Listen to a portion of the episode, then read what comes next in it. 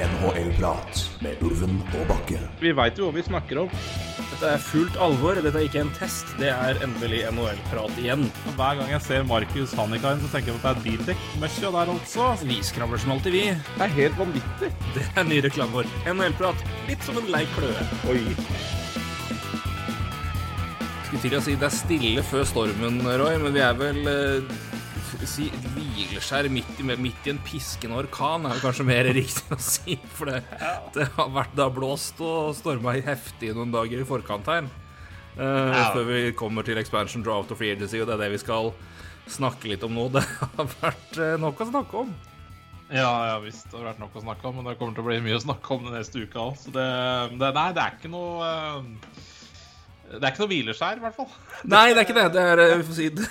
Vi, vi, vi venter liksom på at det kommer liksom neste smekk. Det eneste hvileskjæret nå er liksom Ja, nå venter vi på en måte på valgene til Vegas Nei, Vegas, eh, Seattle, og så og så lekker det noe, men eh, altså det, det, er jo, det, er jo, veldig lite. Det er i så fall om, eh, om en UFA. Men eh, det, nei, det er liksom Det er litt rolig. Men, men allikevel så sitter man jo Jeg, jeg, jeg veit ikke hvor mange ganger jeg har uh, oppdatert uh, Cap Friendlys um, ja, denne expansion-simulatoren. Hvor mange ganger jeg har prøvd meg på den, og hvor mange ganger jeg har oppdatert dem. Ja, altså det, det det, det, er liksom det, Og det, kverner sånne scenarioer i hodet mitt. da eh, Nye da, for, for, hver gang. Eh, så, så, man blir jo litt sånn smågæren av det òg, vil, vil, jeg påstå. Ja, vi kommer jo til å touche inn på det. Vi kan jo si litt, Det blir jo litt eh, Det blir jo ikke en helt vanlig NHL-prat i dag. Og det er jo litt fordi at mye av det vi skal snakke om, det kommer du til å levere, eller har levert, kanskje, når, vi, når du ja. hører på her. Eh, en artikkel til VG om. Um, og det skal vi jo av respekt for ditt arbeid og at det ligger bak en mur, uh, som jo er den verden jeg lever i. Så uh, ja. vi skal ikke snakke for mye om det, i hvert fall uh, med oss imellom. Men jeg har gjort en mockdraft og kommer til å ta den helt til slutt. Ta en kjapp gjennomgang der. men vi skal, vi skal, jo se litt på bare hva status er nå først, og så ser vi jo på de, hva, som har gjort av trades mm. i forkant, for der òg har det jo skjedd ganske mye mer enn jeg trodde, i hvert fall. Og kanskje litt andre typer trades enn det jeg trodde òg. Så det var et som var ja. høyaktuelt for laget mitt. Men um, Så får vi si det først, da. Så vi, det blir jo litt Men det, da får vi for uh, si Får dere to pakker. Så da kan dere jo høre på her, og så kan ja. dere gå og lese det Roy har skrevet om etterpå. Så kan dere jo selvfølgelig sammenligne og høre der, da, vet du. Det er en mock der også, så Ja, hvis det kommer med, da. Det er jo, ja, det, gjør nok det. Men uh, ja, nei uh, Det vil jeg jo tro det gjør. Litt sånn det er i dag, da. Men, uh, men, men, det blir bra. Men noe vi kan touche innpå, som du også nevner, men det er jo ikke der det bikker. Men det, det, som er ganske fascinerende litt i hva vi venter på nå, er jo ikke bare hvem Seattle velger, men hva slags lags og profil de går etter. Ja. Um, og det er jo litt av uh, Jeg tror ikke snakke oss i hjel på det, men det er også litt av det altså, Hva er det Altså, fordi Og de kan jo har jo nok gode spillere her til at de kan drafte seg opp under cap. De kan få et veldig veldig kompetitivt godt lag, i hvert fall i sin divisjon, og de kan sånn sett være bra inn der. Eller de kan gå mer etter unge, talentfulle spillere som også er gode NHL-spillere, og spare litt altså, og prøve å være cap-lag eller ta på seg kontrakter. Altså, de kan ta to-tre tak taktikker her på hvordan de, ja, de vil gjennomføre draften, og hva slags type profil de har på laget, og hvor, ja. hvor, bra det skal være med en gang, og hvor gode de vil være på måte være i framtida. Altså, det, det også er jo interessant. Det er ikke bare hvem de velger, men på en måte profilen, og det gjør jo da har jo selvfølgelig konsekvenser for hvem man velger fra hvilke lag. Ja, ja, helt klart. Helt klart. Jeg, mm, jeg toucha så vidt inn på det i artikkelen også, men uh, det, det, er helt klart det er flere veier å gå. Jeg, jeg tror man uh, ja, ja, Som sagt, det, veldig, det, blir veldig, veldig veldig spennende å se det i morgen natt. Uh, fordi um, for, for, akkurat nå så er det veldig uklart hvor de kommer til å gå. og det det sier seg sjøl. ting jeg ikke har prata så veldig mye om i den artikkelen, er jo Keri Price. for det er liksom ikke noe det er, altså, det er en issue i seg sjøl, men det, det, bikker jo liksom ikke Det er ikke der det bikker, men, eh, men det, det, det, som er interessant med Keri Price og situasjonen, er jo det at uh, eierskapet har i hvert fall gitt de grønt lys til å um, til, til, Ron Francis som hvis de hvis de vil velge han, så, så, må de bare gjøre det. Uh, og Det er klart det også er jo veldig sterkt signal fra eierskapet, fordi ja, Keri Price har 10,5 millioner i lønn de neste fem åra, men, men han får en bonus nå i uh, september-oktober som er på 11 millioner dollar. Og det er klart, ja. det er jo ikke, det er jo ikke ja, jeg syns bare det er litt interessant, da. At uh, her har vel eierskapet um, gitt i full uh, grønt lys for å, for å eventuelt hente Price. 11 millioner er vel en box office-flopp, det er for Jerry Burkheimer, så det bør nok gå bra. ja, det er sant. De har, de har penger nok. De har det i hvert fall i totalt sett, men det er det, det, er det mange nok lag som har, og de trenger ikke bruke alt for det. Så, Nei, det er. Men, men, men Care Price er vel et, et, prima eksempel på det at går de et tar de han, så er jo det ganske klart at da legger jo det opp en ganske grei standard for hva på en måte laget blir ellers. For du tar ikke Care Price hvis du bygger nå for å ha et lag som skal vokse seg gode og ha masse assets for framtida som skal bli gode om fire år.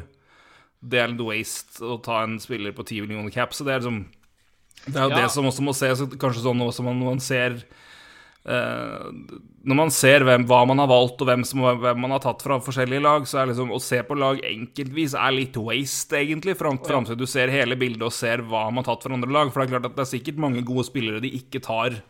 Ja som kommer til å være isolert sett rart, men det gir mening Eller i hvert fall, de har i hvert fall hatt en tanke bak når du ser hvem de har tatt fra andre lag i tilsvarende roller, som gjør at de da blir overflødige, og da må man ta Ellers får man ha ikke råd til å ta det sammen. Altså det er sånn Der er jo Price et eksempel på det. Altså Velger de å ta han, så er jo det Da legger jo det en klar standard for hva de går etter, i hvert fall. Ja, kanskje. Um, ja, så, kanskje. Jeg, sånn sagt, det er, det er Altså, bare For å bare holde meg til Keri Price, uh, siden jeg ikke har skrevet så veldig mye om det, så, så er jo Det er jo så mye med Keri Price. Altså Ja, det er 10,5 millioner i, i, cap hit, da, eller ja, opp mot lønnstaket.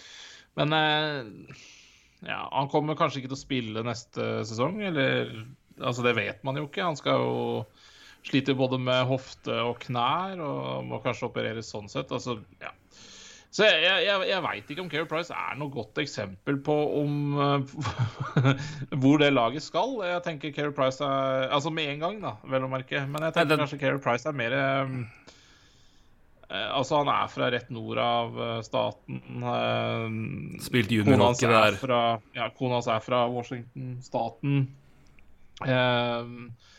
så for å si det sånn jeg, jeg tror Mark Bergevin, general manager i Montreal Canadiens, gjør en veldig Det er en kalkulert risiko. Uh, mister han Kerry Price, så mister han også cap-hiten, og det er greit. Uh, men, uh, men, du har også en spiller her som faktisk har wava non-movement-klåsen sin, da. Så, så, jeg tror liksom Jeg tror ikke det er katastrofe heller for Keri Price å flytte til, til Seattle. Nei, han har, jo, han har jo hatt sin Han har jo sagt ja, så det, jo, det ligger jo i det. Men uh, vi får gå til litt Vi får ta, hoppe litt tilbake og ja. se litt tilbake på det som har skjedd. Ikke så mye fram. Det får eller jeg gjøre litt mer alene etterpå. Um, ja. Så får vi ta en oppsamling når alt er klart. Det skal vi gjøre sammen, i hvert fall. Så det blir det greit. Kan vi gjøre sammen. Um, men det skjedde jo en del. Vi snakka jo om um, Viktor Arvidsson og den traden der som et eksempel på hva som skjedde. Vi snakka mye om Duncan Keith. Ja. det, det, vi får jo ta med der at der ble jo Oskar Klebom holdt fri. Mm. Uh, og det ryktes vel at han ikke skal spille neste år. Og jeg har sjekka, den kontrakten er ikke forsikra. Uh, de kan ta han. De kan sette den på uh, eh, LTIR og ikke Og han har ikke noe med capen å gjøre dersom de vil satse på at han blir frisk og kommer tilbake om et år. Men de må betale den lønna hans fullt ut, så det spørs jo om de får godkjent der, da. Men det er jo i hvert fall har du fått grønt lys på andre områder, så kan jo det gå òg. Men det er i hvert fall det de har gjort i Edmonton. Der er jo Vi snakka litt om det. Hva, hva, har det her med det, det, å si? Men det har skjedd litt etter det. Uh, Ryan Graves skjedde vel etter vår forrige pod, så vi kan jo begynne Eller det er litt alt mulig. Hvor vil du begynne, egentlig? Nei, vi kan begynne der. Det, det er helt fint, det. Du kan ta et sånt, de, klassiske eksempel på liksom, For det er liksom ganske like trades. Ryan Graves og Nick Leddy. Det er, eh, her måtte man eh, ta noen valg. Mm. Um, og da ble jo det her spillere som ble sånn sett ofra. Uh, Leddy Way var vel også en no trade, tror jeg. Ja, han gjorde den vel. Ja. Um, Ryan Graves signert lengre og, og, og, billigere og er yngre. Nick Leddy er jo da han har ett år igjen vel, på en avtale på fem og en halv. Uh, det er vel den spilleren som Edmonton egentlig burde ha den cap-haten, sånn sett, men det Ja, too little, too late. Andrerundevalg får uh, Graves går til Devils og Lady går til Red Wings. Uh, Avalanche får andrerundevalg og uh, Mikhail Maltsev fra Devils, mens Red Wings får uh, Richard Panek Mm. Og Der beholder vel også Red Wings noe av lønna til Panek, hvis jeg husker. Panek var jo med i da, den traden som sendte Vrana til Red Wings for Anthony Manta, blant annet. Um, mm. Og Islanders får jo også da et andrerundevalg, som sagt. Litt like avtaler, men, men samtidig litt forskjeller. Og hva tenker du om, om de to? Um, nei, hvis du tar uh, Graves traden, så syns jeg jo den er um, Den er jo, den er jo strålende for Devilsene. Altså, de utnytter seg av um, Colorado sine hva skal jeg si, De har nok av backer og de må beskytte i expansion, så de utnytter seg av det. Eh, hvis ikke så hadde jo, eh, hadde jo Grace vært uh, mulig å plukke for Seattle i morgen. Eh, så jeg syns jo det er utrolig smart av Devils. Så um, ja, et andrerundevalg og Maltsev uh, Andrerundevalget er jo da 61, 61, overall i neste draft. Det er jo ikke all verdens. Altså, det er jo høyt, da. Eller lavt, mener jeg. det er jo seint uh, andre runde. Um, så jeg syns det er strålende av Devil. Så jeg syns for så vidt også det er eh, bra, bra SS, SS Herregud. Asset management. Asset management, ja. Uh, lang dag i dag. Skal ikke være lett. Nei, det er tungt. Uh, for, for Avalanche sin del også, de har nok av bekker som kan erstatte Grace på, på, på kort sikt også. I uh, både Timmins og Byram. Så Nei, en helt naturlig trade, og egentlig, ja, egentlig mest imponert av Devils, da, som faktisk Ja, de gjør det her. Det er, uh, de utnytter seg av situasjonen i Avalanche. Uh, og må ikke betale noe særlig mye fordeler. Så, um, men man skal også huske hvem Graves var. Altså, dette var jo en spiller som Hva skal jeg si var jo Ja, det var ingen som trodde at Gray skulle bli den spilleren han blei, eller har blitt. Så, så Avalanche får jo, en, får jo en godt for den til slutt, da. Absolutt. Uh, det var der jeg kom egentlig på asset management. Uh, ledd i traden. Ja den er jo interessant i seg sjøl, det syns jeg. Da. Jeg syns det er interessant at Red Wings er laget som plukker den opp, men Ja, jeg vet ikke. Det er vel ikke, det er kanskje ikke planen at han blir der uh, veldig lenge. Jeg vet ikke. Det, men det er klart, de trenger jo uh, Red Wings trenger jo litt de får kanskje en uh, tysker uh, på plass snart, i Morris Sider, som uh, kan ha godt av å lære litt av Nick Leddy. Så det kan jo være en sånn plan. Og igjen, de betaler jo ikke all verdens for det. og Nick Leddy kan fint uh, hvis, hvis de har lyst til å flippe han seinere igjen, så får de fint igjen det de har gitt. I tillegg så blir du på en måte kvitt uh, i hvert fall halvparten av lønna til Richard Panic, da. Så ja, jeg tenker jo De sitter jo i en avtale som, som, de har ett år på uh, med Leddy. Ja. De kan bytte han ved deadline og før. De kan spise halvparten av lønna og gjøre det enda mer lukrativ. Og det er også en spiller ja. som kommer inn og er en lederrolle, mentortype, i hvert fall bakover, da, i et lag som uh, si, kommer opp, og, og, det kommer flere unge inn, og de, de, de begynner å bygge et Å bygge noe. Uh, og uansett, det de, det de gir, er jo ikke Det er jo ikke, er ikke mye i det hele tatt. Nei, er, um, de får igjen det der hvis de vil neste. Altså, og så er, det ganske interessant, for de har jo Det som er spennende med Red Wings, er at de har jo nå De har jo nå under 40 millioner i Altså, de har, de har mer capspace enn de har lønn på cap per cap hit per nå. De har ja. 44 millioner dollar i cap hit og har Det er cap, cap space og har en cap hit på 37,5 millioner.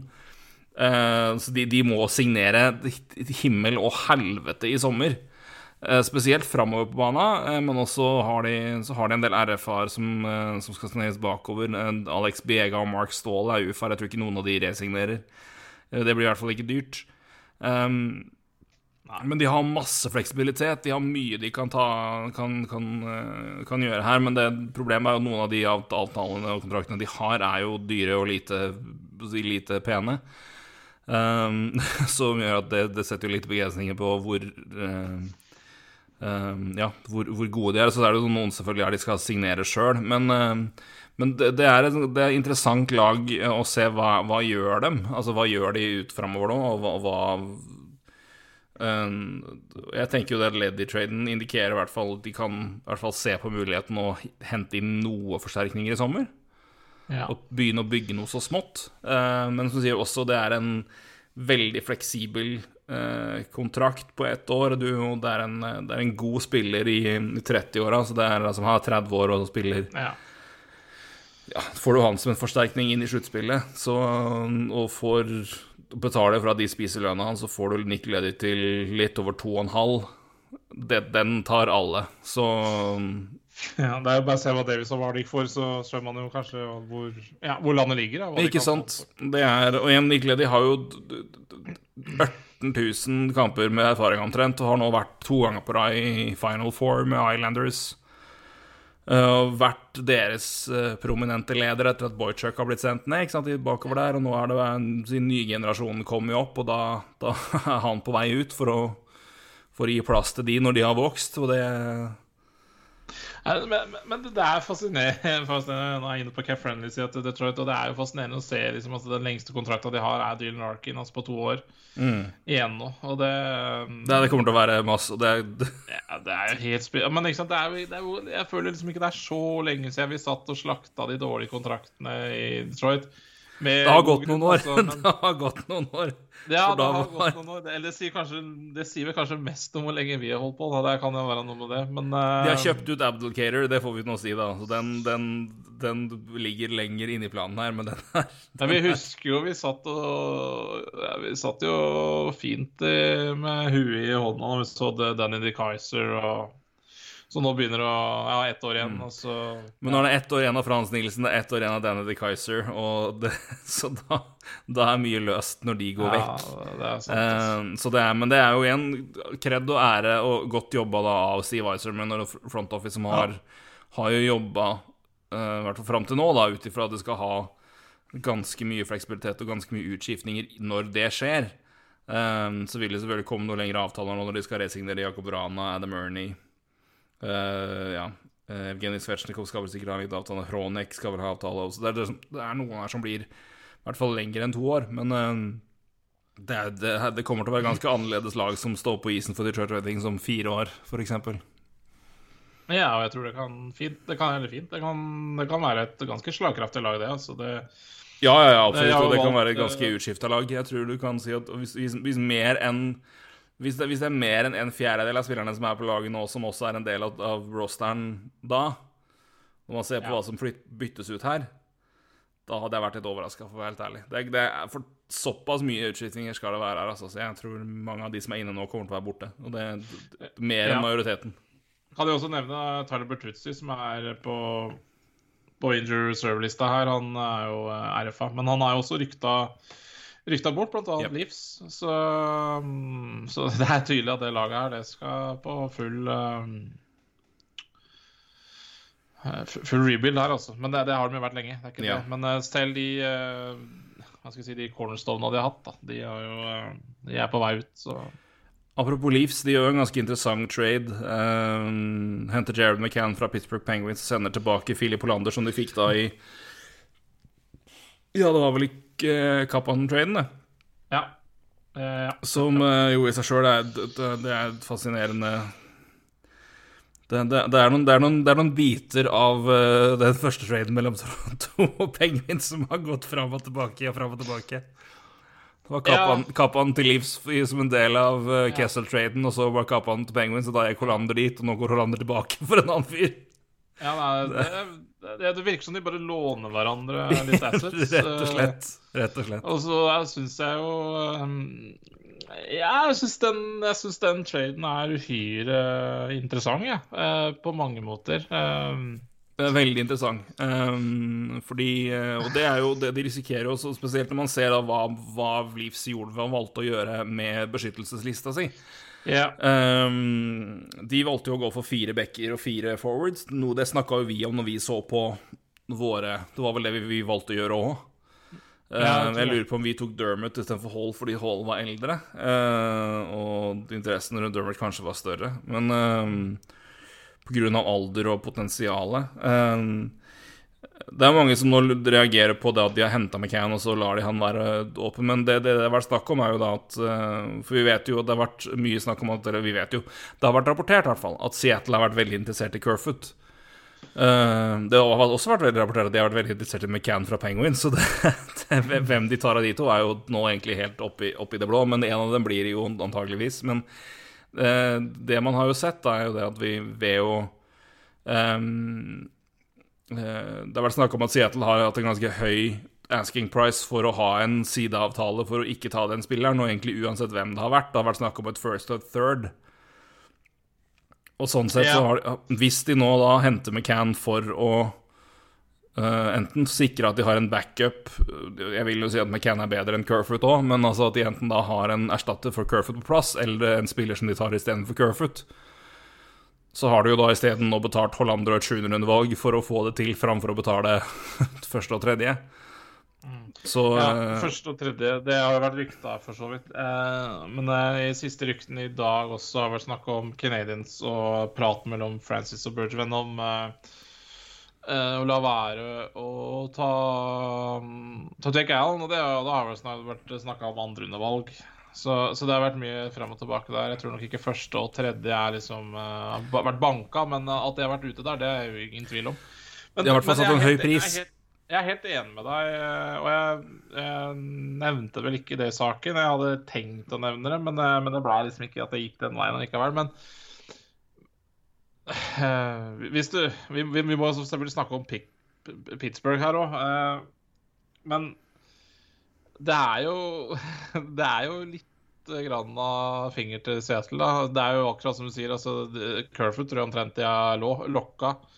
Eh, og så kommer Jared McCann inn, og så må de fucke dem til hvem de skal ta fra Leaves. Men jeg tror Ja, det, ja det, så, så der står det vel noe mellom dem. Eh, men McCann var vel det klareste valget. Nå, jeg, jeg tror vel vi valgte Jeg Ja. tror vi har sett Vi tror vi så på Jay på Men for vi beskytta McCann, så da var det ikke det Så da var det Jason Sucker som ble ja. Uh, Han var jo ikke tilgjengelig når vi hadde vår draft, men altså hadde han vært tilgjengelig, som det virker som han da skulle være her, uh, så hadde jo ja, Jeg- jeg- vi tatt jeg- han glatt, tror jeg. Eh, ja, ja.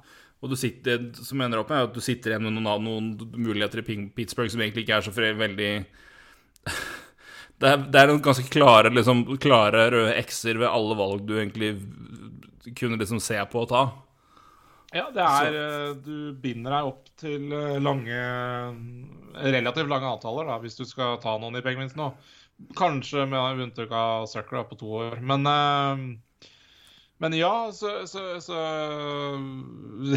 Jeg vil jo si det var en lite sånn Nei, det blei vanskelig for Seattle med den traden, og jeg tror også kanskje mm, Altså Man kan jo se det på den måten. De kunne endt opp med McCann og Kerfoot. Nå ender de opp med én av dem. Ja, og det er jo sånn sett interessant. Og det, det setter jo kanskje også traden som Hurricanes og Ducks gjorde med Hayden Fleury litt i perspektiv i etterkant, om at det er Enten så har de betalt ganske lite relativt sett for å få Hayden Fleury inn, som, eller betalt lite for å ikke miste noen andre spillere i expansion-draften, eller så har de fått inn Hayden Fleury ganske billig i Ducks, så det setter jo den også litt i perspektiv. Ja, andre Det har jo gått noen Jason Dickinson dro ut, gikk jo nå til Vancouver for tredjerundevalg. Eh, Stars og velvisende, Han var vel en av de spillerne som I hvert fall når nå Bishop eh, valgte å wave sin no trade clause, så var vel han en Ja. særs aktuell kandidat til å gå til Seattle, og det Ja. eh, De får litt igjen for han der. Jeg er ikke si så mye mer om det. Nei, men igjen så er det jo Så, så sitter jo Seattle der og Ja. De hadde enten Dickinson eller, eller Hudobin, og nå har de ingen. Nei. Så- Nå, nå må de liksom må de, de må tenke annerledes med Dallas. Så ja, nei um, Ja, hva, hva de skal tenke, det hører du min takk om etterpå. Så kan du lese Roy sin i VG+. Ja. Så det, det, men det tar vi mer om der. Men det ehm, vi kan vel spare den mest interessante til slutt. Uh, men Eh, Aiden Hill eh, var jo også veldig snakka om i Arizona som et aktuelt uh, aktuell person som skulle bli tatt der. Keeper, keeper prospect, eller keep, Ja, prospect og prospect er å ta i. Keeper, i hvert fall. 27 år, ja. 27 år, det var å ta veldig hardt i. Men i hvert fall en, en, Ja, men, nei, men, jeg- jeg Men altså, er keeper er jo Det kan jo være prospect når du er 30, så det Nei, han er jo ikke 27, han er jo 25. Men fall sendes da Shark, Sharks, 25. sen- Sharks sender Aiden Hill da for uh, Joseph Corona, en annen keeper uh, Yngre keeper prospect, og så da et andrerundevalg i 2022 da til Coates for Aiden, Aiden Hill. Ja. ja Når man hørte hvor mye snakk det kom derfra, så var vel kanskje ikke det så overraskende heller. Nei. Nei, jeg tror Sharks var jo Det er vel ikke noe dårlig hemmelighet at de har vært ute etter en målvakt før eh, expansion. Nei, det- så, så det var vel egentlig kanskje bare spørsmål om hvem som endte opp der. Om det var Allen eller Holtby eller ja, Aiden Hill, da. ja. Eller noen andre, for så vidt. Men uh... Ja, det var jo noen andre som ble, plutselig ble tilgjengelig òg, så det, det kunne jo vært flere. Men uh, det var i hvert fall uh... Nei, men det er bra, det. Det, det. det tror nok det kommer til å være mange flere runder med keeper tilgjengelig. Og det en ting er nå i forkant med lag som ikke vil miste de, de for ingenting, og så tror jeg det kommer til å være noen Det blir i hvert fall én keeper som blir shoppa fra Seattle, vil jeg tippe. Eh, Mm. men det kan hende jeg tar feil på det. Men det kommer vi mer, som sagt, mer tilbake til etterpå. Nei, det er, jeg tror du har rett i det. De kommer jo, ja, de kommer jo til å få noen. Så. Det er noen interessante, interessante agn, i hvert fall, som du Ja. kalte det. Så det, det får vi nå si. Men, eh, nei, men det, det Sharks valgte å gjøre det der, og det var jo kanskje mer, mer pressing issue sånn sett, men det er jo vil det være god mulighet for Jeg tror det vil være bra mulighet for flere lag til å gjøre sånn lignende deal også etter, etter expansion er ferdig. Uh, Ja, så om de Rangers kanskje kjøper ut Martin Jones, eller hva de finner på i Sharks. Det er jo interessant sånn sett. Ja, det er jo uh, vi prøve å kjøpe det nå? Se hva det koster om du først snakker om det. Mange lang tid han har igjen på den nydelige avtalen sin. Han har igjen tre år. Å, fy faen. Ja.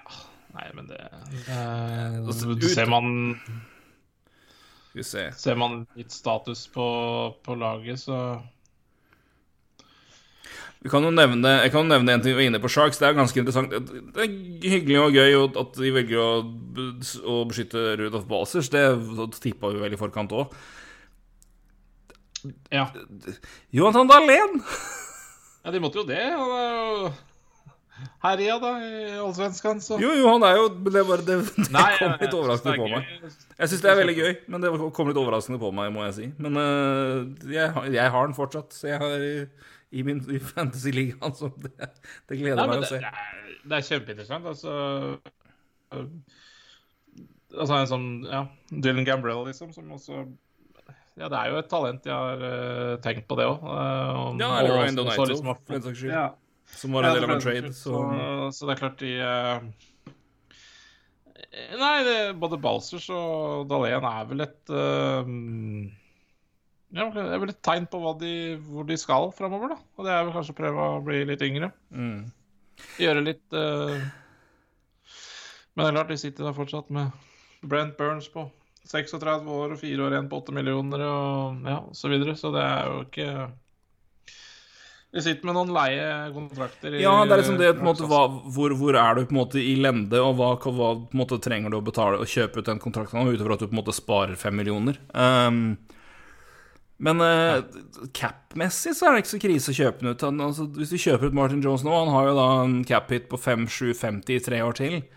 Den cap-hiten, Det blir jo seks år, da, men det blir jo da rett i underkant av to millioner, rett i underkant av to og en halv, rett i underkant av tre, og så er det 1-666 i tre år.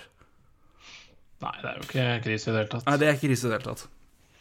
Så det er, ikke, det er virkelig ikke usannsynlig at de gjør, rett og slett. Så Nei, men ja. Nei, det, det spørs eh, De har i hvert fall muligheten. Eh, og så har de jo fortsatt Eller de har jo noe cap space, jeg vet ikke de Noe blir jo eh, Noe ryker jo. Eh, med både Aiden Hill skal ha ny kontrakt, og ja, jeg vet ikke hva de gjør med Donato. Uh, Balser skal ha ny kontrakt osv. Så, videre. så det er klart at penga går der, men eh, Men det er jo ikke sikkert at eh, det er i år Martin Jones skal kjøpes ut heller, så så nei, Nei, det, det er det er i hvert fall interessant å se Sharks, da. Og jeg- Og veldig interessant med Dalén og Ja, Balsers var ikke uventa med Balsers, men uh, i hvert fall, jeg syns det får være et uh, lite signal på hva de kommer til å gjøre framover. Ja, nei, de må jo ha spillere inne på, da, på si, lave avtaler som kan produsere, og da har de vel et håp om at det kan bli både en norsk latvier eller latvisk nordmann, eller du vil, hvordan du vil snu på det med Balsers, og en svenske som kan være med og bidra til det. Det er interessant. Mm. Ja eh, I eh, Vi har ikke sett så mye av det nå, men det er jo noen som har Vi ser ofte at lag henter spillere for å kunne forhandle med dem i forkant Ja. av UFA-perioden. Eh, Rangers valgte jo å hente Barkley Goodrow fra Lightning for 700 dollar. Han er jo en pending UFA. Eh, ja, hvis dere husker fra vår New York-prat, så kom vel ikke det som noen bombe. Her skal det beefes. Um, ja. meat, and pota meat and potatoes, meat and potatoes. Mm. Så her skal, det, her skal det kjempes med Matt Martin. ja da, det er, det blir interessant. Jeg bare så hva, hva var ryktene på lønna der var, og det Ja. 3-6 AVV, seks år. ja. Jeg unner Barkley Goodrow hver krone av de pengene han får, men holy fuck.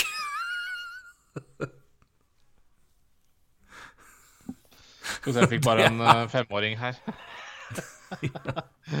ja, nei uh... Det er noen kroner, det, altså. det, er, det, er, det er mye, og det er lenge. Ja, lenge. Det er veldig også, lenge. Det er så veldig det jo- lenge. Og så er det jo noen uh, Altså er det jo, vil jeg si at det er noen andre som kan kreve ganske mye, eller like mye, da, som han, som er på markedet. Så Ja, Linus, skal du gå ut?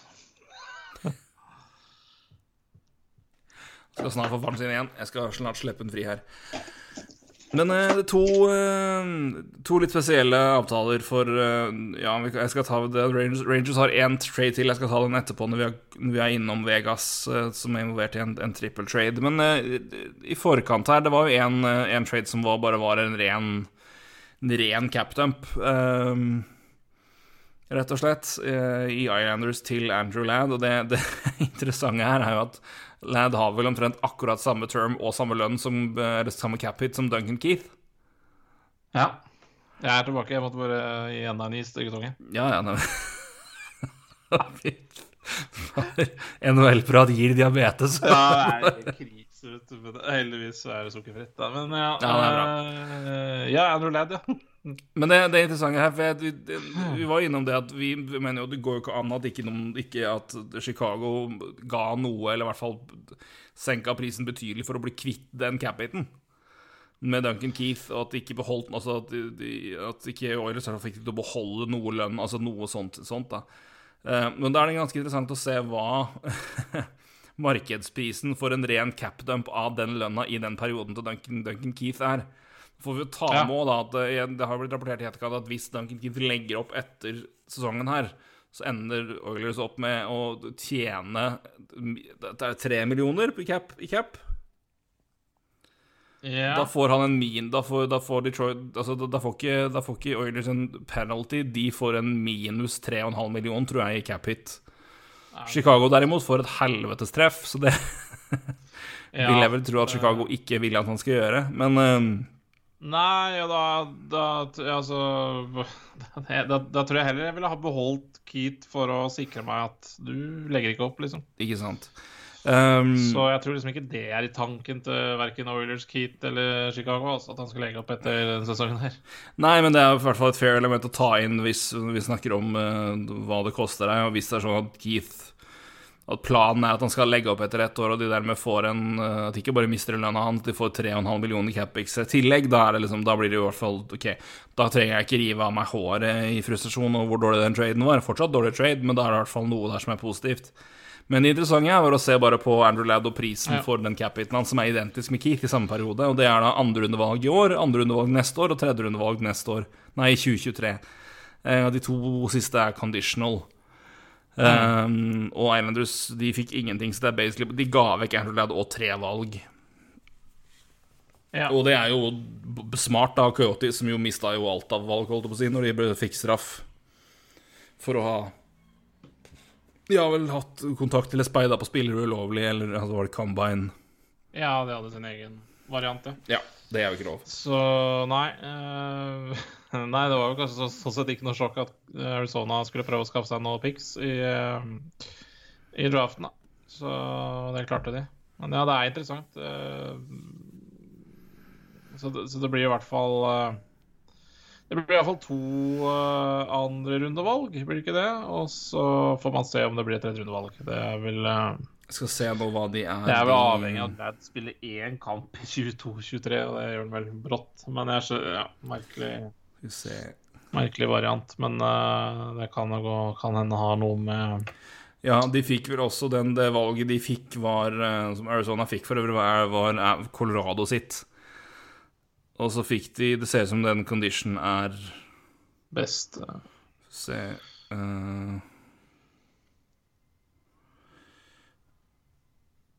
Det andre rundevalget i eh, 22 de fikk, det er jo condition på at de får det beste valget av Stemmer. Ja. Eller Colorado sitt, da.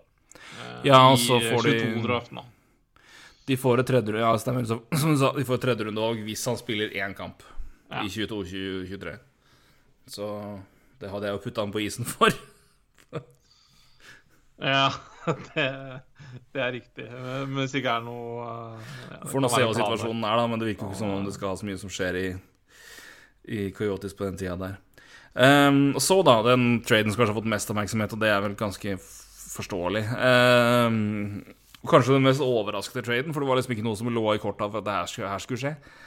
Uh, men lell, vi, vi takker og bukker, i hvert fall jeg, gjør jeg det. Uh, Ryan Ellis går til Philadelphia Flyers. ehm, og i retur sender de Philip Myers og Nolan Patrick. Nolan Patrick sendes da til Vegas, som sender Cody Glass i retur. Her er det Ja. ganske mye å ta tak i. Jeg tror vi kan begynne med det første først, og det er jo Myers Patrick for Ellis. ja. Som jeg syns er uh, Hinsides billig. hinsides billig for Flyers. Um, Det er det, altså. Og det er eh, rett og slett på jeg, jeg, jeg har høy verdi på Philip Myers. Jeg mener Philip Myers er en veldig, veldig lovende back og har eh, Ja, ja, ja. alt inne for å bli en meget, meget meget habil og stabil topp fire som spiller bra begge veier. Kanskje til og med hvis alt går veien og han fortsetter å utvikle seg, topp to, eh, som en B-back i en A-B-par. Men i hvert fall topp fire har vært veldig veldig lovende og har vist veldig veldig godt, godt potensial. Jeg liker han veldig veldig godt. Um, men altså, han er et solid back prospect, men det er klart at den som har hatt um, Og er da den, for min del, i hvert fall den, den beste spilleren som går motsatt vei. Det største kortet her er jo bare hvor mye verdi legger du fremdeles i at Nolan Patrick har kommer til å være en spiller som kommer til å prestere. Um, her jeg tror jeg nok uh, Hva skal jeg si Her var nok uh, Predators uh, var nok ganske Altså, det som skjer etterpå, da, med Glass Patrick jeg tror, altså Det var nok på plass allerede der. Da. Ja, ja, ja, det- så det er det, er, jo, det, er jo, er jo i, i um, I praksis er det jo Myers og Glass mot eh, Ellis, da. Men eh, det er det. det er klart, det er vel kanskje Cody Glass de er høy på, og Vegas er uh, høy på Noel Patrick, eller har sine tanker om Nolan Patrick. Og det skjønner jeg også egentlig veldig godt. Ja. Eh, McCrimmon er jo altså GM for, eh, for Vegas Golden Knights var jo treneren til Patrick i Brennan Wheatkings. mm. Så er det en som kjenner han godt, så er det han. Uh, og det kan jo være bra i at han vet får hvordan han fungerer best optimalt og, og sånn, eller det kan være også en, noen spillere som ser seg blinde på sine egne favoritter de kjenner godt, og ser dem for det de var, og ikke det de er.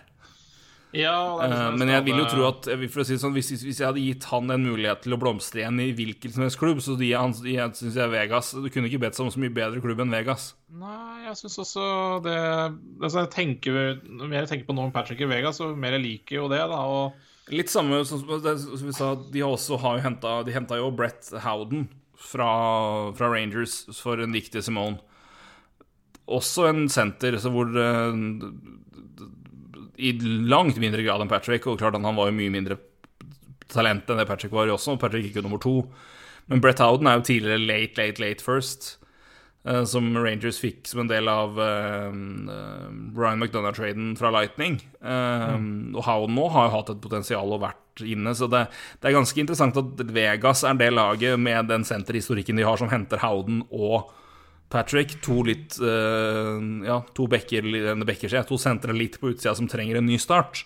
Mm. Så det er mye større spørsmålstegn rundt Patrick enn det er ved Howden, men igjen, da, hvis han er uh, Det her var sesongen, altså forrige sesong var skandaløst dårlig, men igjen, det var første sesongen hans etter at han hadde basically hatt concussion symptoms i et år. Um, ja, og det det kan skje mye bare ved å få gjennomført det, og de fikk jo nesten ikke trent ordentlig. Det ble kamp etter kamp etter kamp etter kamp, så det er klart at det er mye som kan Jeg har på ingen måte gitt opp Nolan Patrick, men jeg har mye mer tro på at han kan få til en, re, si, en rebirth i en annen klubb enn han kan i Philly. Um, uh, og igjen, Glass i samme situasjon kom aldri helt inn. Klarte helt aldri å bryte inn i Vegas, som jo er ganske interessant. Så altså får vi nå se om det løsner i Nashville, men det um, det er Kanskje også, en, også noen spillere som trengte et, et, et, bare en ny klubb, det trenger en ny klubb, men uh, Kanskje større rolle, ja, det eh, faktisk. Altså At han får, mer, får flere muligheter. Eh, ja, topp seks. Eh, og Nashville det er så tynt. Eh, det så man for så vidt også på, på hvordan de beskytta spillere. Tre forward og fem backer. Så skjønner man jo at eh, det er ikke Predators er ikke akkurat det laget som eh, syns så veldig høyt om sine egne offensive spillere. Så Nei, og så, da var en av, dem, en av dem De tok jo på seg en forward ekstra i den traden her. Så ja. i den originale salen så var det to stykk de måtte ja. beskytte. ja, det er sant. Nei, altså, så, jeg liker den veldig godt. Men jeg syns, øh, syns Flyers betalte lite altså, for, øh, for, Ryan Ellis. Det syns jeg sånn, sånn, overall. Så syns jeg, synes jeg det var lite. Men, men, men jeg er også enig med deg det resonnementet ditt rundt Myers. Jeg, jeg, tror på en måte Predator ser litt framtida her også. Og Predators trenger også å øh, røske litt opp i laget sitt, så, så jeg skjønner absolutt det er greit. Så, så får du Philip Marius da, som kan gjøre en uh, litt sånn samme type jobben som ellers. da. Så, for, så vil det nok ta litt, litt tid før Marius gjør det på samme måte, men det blir litt sånn samme, samme type spilleren, da. Ja, i hvert fall en spiller som er ja, litt annen, annen type. Da. Ja, men altså har veldig har stort potensial. Men uh, Spørsmålet om det er si, Blir han Ryan Ellis, så er det potensialet til maksimalt. Ellis er jo eh, i hvert fall var, hvis vi ser på nivået han leverte før forrige sesong, som var et litt down-år, men det var jo for egentlig for hele Planters. Men ja, objektivt sett en av de beste right defense i right D-gutta i hele NHL i to-tre ja. Um, se på hvordan, eh, hvordan han faktisk han klarer å håndtere en puck, så er han jo uh, en av de aller, aller beste. Så Ja, og det er noe det laget her absolutt har trengt. Og det var noe det å få en, en åpenbar, klar førsteback inn på right, right D-plassen, og det har man fått nå. og det uten å betale seg i hjel og ha lønnsmessig betydelig mindre enn han måtte gi til både Seth Jones og Dougie Hamilton. Og jeg, for å være ærlig, så som en, som en komplett back, så da har jeg tatt Ryan Ellis foran Dougie Hamilton, og det er det er klart Hamilton har da kanskje mer jevnlig offensive offensive skills og er mer flashy, men uh, toveismessig og i, i, uh, i metrics så er uh, det er, ikke noe, det er ikke noe som tyder på at Ellis er så mye dårligere, tvert imot.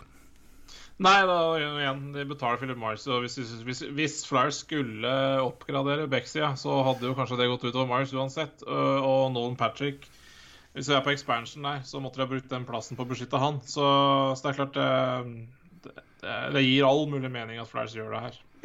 Ja, nei, og det, det er Ja, er, jeg syns det er utrolig smart. Uh, smart bruk av spillere til å få det til uh, fra Chuck Letcher, så det var uh, det, skal han ha, det skal han ha all honnør for, rett og slett. For det, det her uh, støttes fullt og helt fra min side, i hvert fall.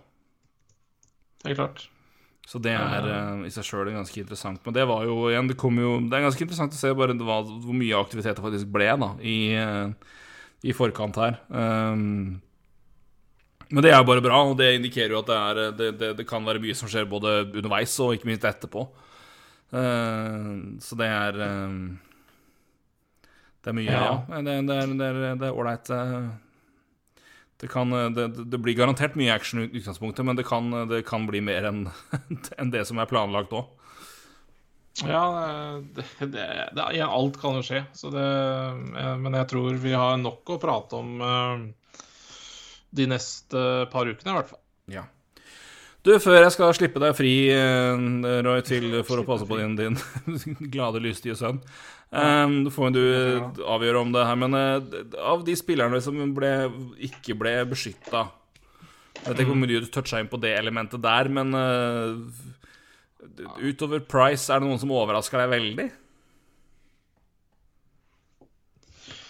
Uh, altså Av de store navnene så, så var, har jo vi kjørt en mock før. Uh, og jeg husker vi snakka jo uh, Vi snakka jo mye om uh, hva, hva, hva, Nashville skulle gjøre med i hvert fall Ryan Johansen. Antakeligvis Duchene også var toucha vi innpå der. og de to kontraktene er vel ikke så veldig spennende.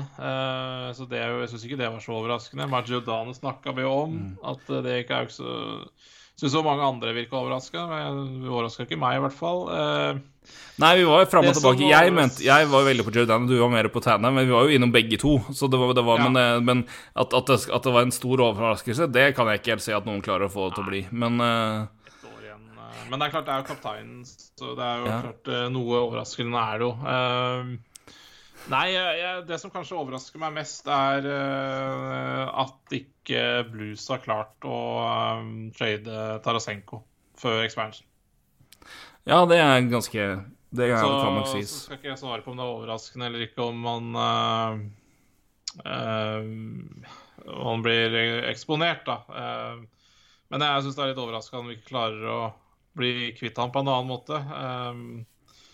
Og det er da jeg tenker at uh, det er mye vi ikke veit, altså. Um, rundt situasjonen til spillere. Det er jo en situasjon i Canadians også med Jonathan Drouin som, uh, som, er veldig uavklart. Mm.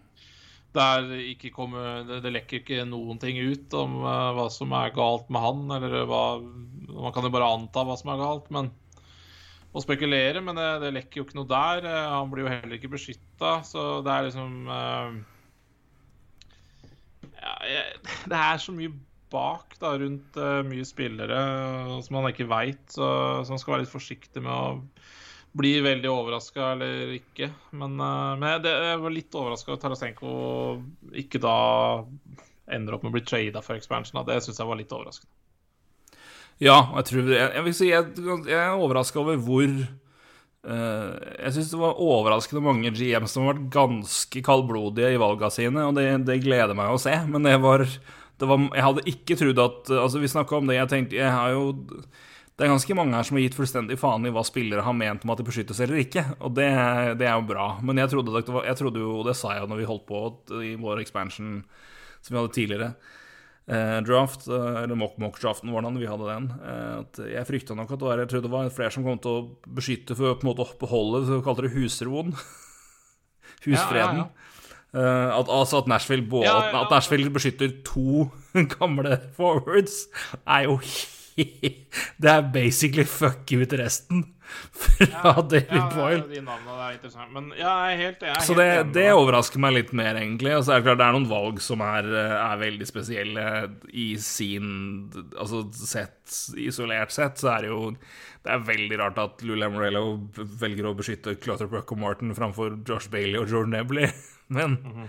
men igjen, ja, noen, jeg, jeg tror, jeg, noen kan argumentere for at Jeg toucha akkurat det litt inn i uh, i de artiklene. Altså, jeg, men jeg, da kan ja, du la den ligge. Kan du, fordi, hvis man vil vite noe mer om det, så kan man jo lese ja, det der. Absolutt, jeg tror det. Eh, skal man snakke, eller i hvert fall En av grunnene til at det er eh, så mange prominente navn på lista, har jeg toucha inn på, så jeg skal ikke si så mye om det. Men, uh, men det er veldig interessant. Og jeg gleder meg til vi kan snakke om det litt seinere. Fordi, ja, fordi, fordi det, det, kommer ikke til å Akkurat det tema kommer ikke til å forsvinne eh, i morgen natt. det gjør det ikke, tror jeg. Så det, men det kan vi snakke mer om senere. Ja. Du, jeg skal slippe deg fri. Jeg vil bare ha én ting vi må, vi må, registrere oss i, for vi snakker mye om dem. Og det er eh, Det snakkes jo veldig mye om i, i, alle mulige kampanjer, og spesielt da i, vi har hatt en, en måned nå med, med, med, pride, og det snakkes jo om støtte og, og til LGBTQ pluss i alle mulige ligaer, og det er bra, men det er, også snakkes det på en måte om hvorfor er det fremdeles mye fokus på at uh, man venter på at noen aktive spillere går ut og, og står fram. Og det er jo for at det skal bli mer normalisert. At det er ikke bare greit å, at, er, at, man har forbilder å se opp til. At ikke, noen må på en måte være den første for at det skal bli to og tre, fire, fem, seks skal komme. Um, Nashville-talentet Luke Prokop gikk ut uh, offentlig for en Ja, det var vel i går, var det vel? Um, I går, ja. Uh, kom ut offentlig som uh, homofil. Um, og delte det, og fordi Og han gjorde det Så det syns jeg var en veldig smart måte å si det på. At han gjorde det for å på en måte fjerne det som et element vekk fra sitt, sitt mentale sitt tankesett, som gjør at han kunne bare slippe tankene fri og være trygg på at nå har han, sagt, nå har han delt hvem han er, og da kan han fokusere fullt på hockey. Ja, det er strålende. Og, strålende. Ja, og det er jo ikke bare bra at han gjør det, men det er jo smart å, smart å presentere det som et grep for å bli bedre i hockey. Men det er, men det er jo igjen, hvis du kontinuerlig er bekymra på hvem er det som vet, hvem er det som ikke vet, hvordan, hvordan blir det tatt imot, så er klart at det er Du vil ikke ha mer stress rundt deg enn nødvendig når du er en profesjonell utøver. Um, og, Nei, kjempe, kjempepoeng. Bare, det, kan, det er jo sikkert mange som følger Eliteserien her hjemme. og Um, det er litt samme med, som Tobias Svendsen i, Lillestrøm gjorde for noen uker siden. Også gikk ut og fortalte om litt uh, ja, vanskelige uh, vanskelige perioder da, uh, psykisk. Og, og, følte seg mye lettere etter å ha gjort det. Og, ja, jeg, vi er jo i en tid nå der jeg tror jeg tror det er enklere da, å prate om sånne ting. Og det, det, er, helt, det er helt utrolig ja, men det er jo Det her skjer på et helt annet nivå, selvfølgelig. Men eh, bare den der unisone støtte han har fått, og inkludere altså, Det er jo ikke noe vei tilbake nå, på en måte. Altså, det er ikke noe Altså, det er jo Han kan Altså, det, det her kan bare gå bra eh, med han og, og spiller, andre eventuelt spillere da, som har lyst til å stå fram. Så Ja, de bør i hvert fall gjøre det, og majoriteten ja, ja. vil jo det. Og, det, og igjen er det er det tilfeller hvor det ikke er det, så er det også noe som må røskes opp. Og da er det vel det her som må til for at det skal skje. Og klart at Det ligger jo alltid en liten risk der. Og det er Jeg ler jo alltid når jeg ser folk som er uh, protesterer mot pride, fordi Men det, den kampen er jo vunnet. Det er da greit å være homme og være, være LGBTQ pluss, er det ikke det? da? Det er det ikke noe problem lenger. Også bare Nei. Hysj. Den kampen er ikke vunnet. Nei, det er ikke det. Eh, det er ikke det. Det er normalisert på ganske mange områder, men det er ganske mange områder det ikke er det. Og det er noe med å bare få og det er ikke det, det, det, er, mye snakk om det Du skal legge den her død snart, men det er bare det fascinerer meg alltid. For det, er jo sånn Hvorfor er det så fokus blant, i pressen altså når man snakker om det? Og det er interessant nok, og det har jeg jo tenkt mye på sjøl. Men det er jo det at for at, det ikke, for at det skal bli normalt, og det ikke skal være noe man skriver om, og, og ikke skal være noe å reagere på, så må det på en måte være tilfelle at noen har faktisk stått fram og gjort det. Ja. Og det er jo det som er greia på liksom Så lenge ingen står fram i For eksempel, liksom, det, har, det har vært tema ofte Hvorfor er det ingen åpne homofile spillere i Eliteserien? Statistisk kan ikke det skje. At, altså, I andre ligaer altså, Statistisk er det så lite sannsynlig at det ikke er tilfellet. I hvert fall nå. Er og så er det fantastisk at det er og, altså, Jeg blir jo litt sånn stolt av å følge NHL, at det er her det skjer noe. For det er jo som mm. du sier, det skjer jo i andre ligaer òg, men det er jo ingen som har stått fram. Nei, og det har vært si, NFL skjedde det for en uh, måned siden. Uh, ja. Og jeg aner ikke om det har noen påvirkning for valget til Luke Prokop, men det kan det jo jaggu ha hatt. Det, men eh, det trenger ikke være, trenger ikke være noe sammenheng der, men eh, det, men det, er i hvert fall ikke noe altså, det, det, er ikke, det er negativt. Altså, jo flere som gjør det og normaliserer det, jo bedre er det, for da slipper vi å vente på at det skal bli, bli normalt. For ja. da er det allerede normalt, og det er det viktigste ja. her. Og så er det Håper jeg det, ikke at det blir så mye mas rundt det her for hans del, men, eh, men det er bare Men det, er godt, godt og viktig og bra å se at det er at responsen som kommer rundt han fra både ligaen og enkeltspillere, det er, eh, den er tydelig og det er klart. Og det, det, er sånn det bør være og sånn det skal være. Og så er det noe jeg si Det positive er at jeg strengt tatt holdt på å glemme å nevne det. Fordi det er jo egentlig ikke så big deal. Eh, men igjen, det må bare være det er, det er big deal for de som sitter i garderober rundt om andre steder i Canada, USA, Sverige, Norge og er 15-16 og er redd for å si det samme. For dem er det jævlig viktig. Så mm, på vegne av i hvert fall meg, og jeg tror egentlig hele hockey-communityen, så tror jeg jeg skal sende en ganske stor takk til Luke Prokop for at han tør å ta det steget. Og det Forhåpentligvis er det et miljø i en tid i hvert fall rundt han hvor det er trygt og greit å gjøre. Og, men noen må gjøre det for at noen andre senere skal tørre å gjøre det. Og det, det er det viktige her. Så Ja, jeg er helt enig. Og så er som sagt, jeg bare understreker litt av det jeg mente i stad. det At alle nå unisont går ut og støtter det, betyr jo at altså, det, det er null toleranse for at det ikke skal være greit seinere. Ja. Altså, mener jeg at hvis det, hvis det her skal gå utover Procop eller noen andre som står frem seinere, at noen oppfører seg som en rasshøl, som det fins mange av, noen trenere som gjør sånn altså Den, den, den døra er nå stengt. For, Ja. for den unisone støtta som han har mottatt nå, og den oppmerksomheten han får, fullt fortjent, som, men som noen sier hvorfor får det, for, hvorfor får det oppmerksomhet? Det, det er jo det er som du sa. altså det noen hevder jo at dette, den kampen her er vunnet. Hvorfor, få, hvorfor er det noe stort å slå opp? Ja, men det er det. Fordi at det er I idrettsverdenen så er det ikke nok folk som har stått fram ennå. Igjen, den der unisone støtta, den, eh, den også er utrolig viktig, altså. Eh, Jeg så intervju eh, Per Lebrun hadde gjort med Procop. Eh, om Procop skulle Eller ringte da eh, Nashville og fortalte om det her. Og det, det, det var ganske rørende, altså. Eh, den støtta han hadde fått med en gang. Det, så ja, så kan man si det skulle bare mangle, men eh, det er en grunn til at ikke noen har gjort det her før. ja, nettopp. Og noen kan også bare reagere med at ja, så fint at du er det, da. Og så ikke gi det noe mer, liksom. Men her er det full åpenhet. Det er, nei, eh, utrolig, utrolig uh, Ja, det er faktisk sterkt uh, og bra at det skjer. Så, Og så er det litt gøy, syns jeg, og bra at hvis det først skal skje i en klubb, så er det gøy at det er Nashville. Ja, absolutt. liksom Og Det er ikke at det er noen indikasjon på at der skulle vært så mye verre enn for andre, men det er bare det, det er bra at det er, hvis det på en måte skulle være det, så er det der det er. Det er, bare, det er litt mer gøy enn at det på en måte er liksom San Jose. Som er, Ja, det er det. er liksom Eller andre. Ja. Eller LA, da, eller altså hva enn. Det er bare, det er, det er bare gøy at det er et annet sted liksom, enn det. At det er liksom du sjøl som Det er Det er, et eh, område det er Ja, nei, det er eh, som- et område som trenger litt åpenhet rundt det, kanskje. Nei, men, nei, men ikke nødvendigvis. Men bare da i hvert fall hvis måte, hvis, du, hvis du skulle være redd for at det var noe stigma, så var det kanskje altså, nødvendigvis liksom, i de områdene der hvor det er Ja. litt mer strikt eh, og, og konservativt tankegang rundt det fremdeles. Og det er det. Tro meg, det er det. Det er fortsatt det, Ja, altså.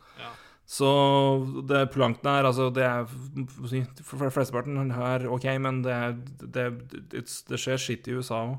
Um, og da er det bra og gøy at det er der, og det er jo ikke minst bra at de ikke bare at laget sier det, men så fint, men faktisk står fram og støtter og gjør det bra. Så det er eh, Det er verdt å merke seg for at vi ikke skal nødvendigvis merke oss så mye senere tilfeller av det, for da blir. Det,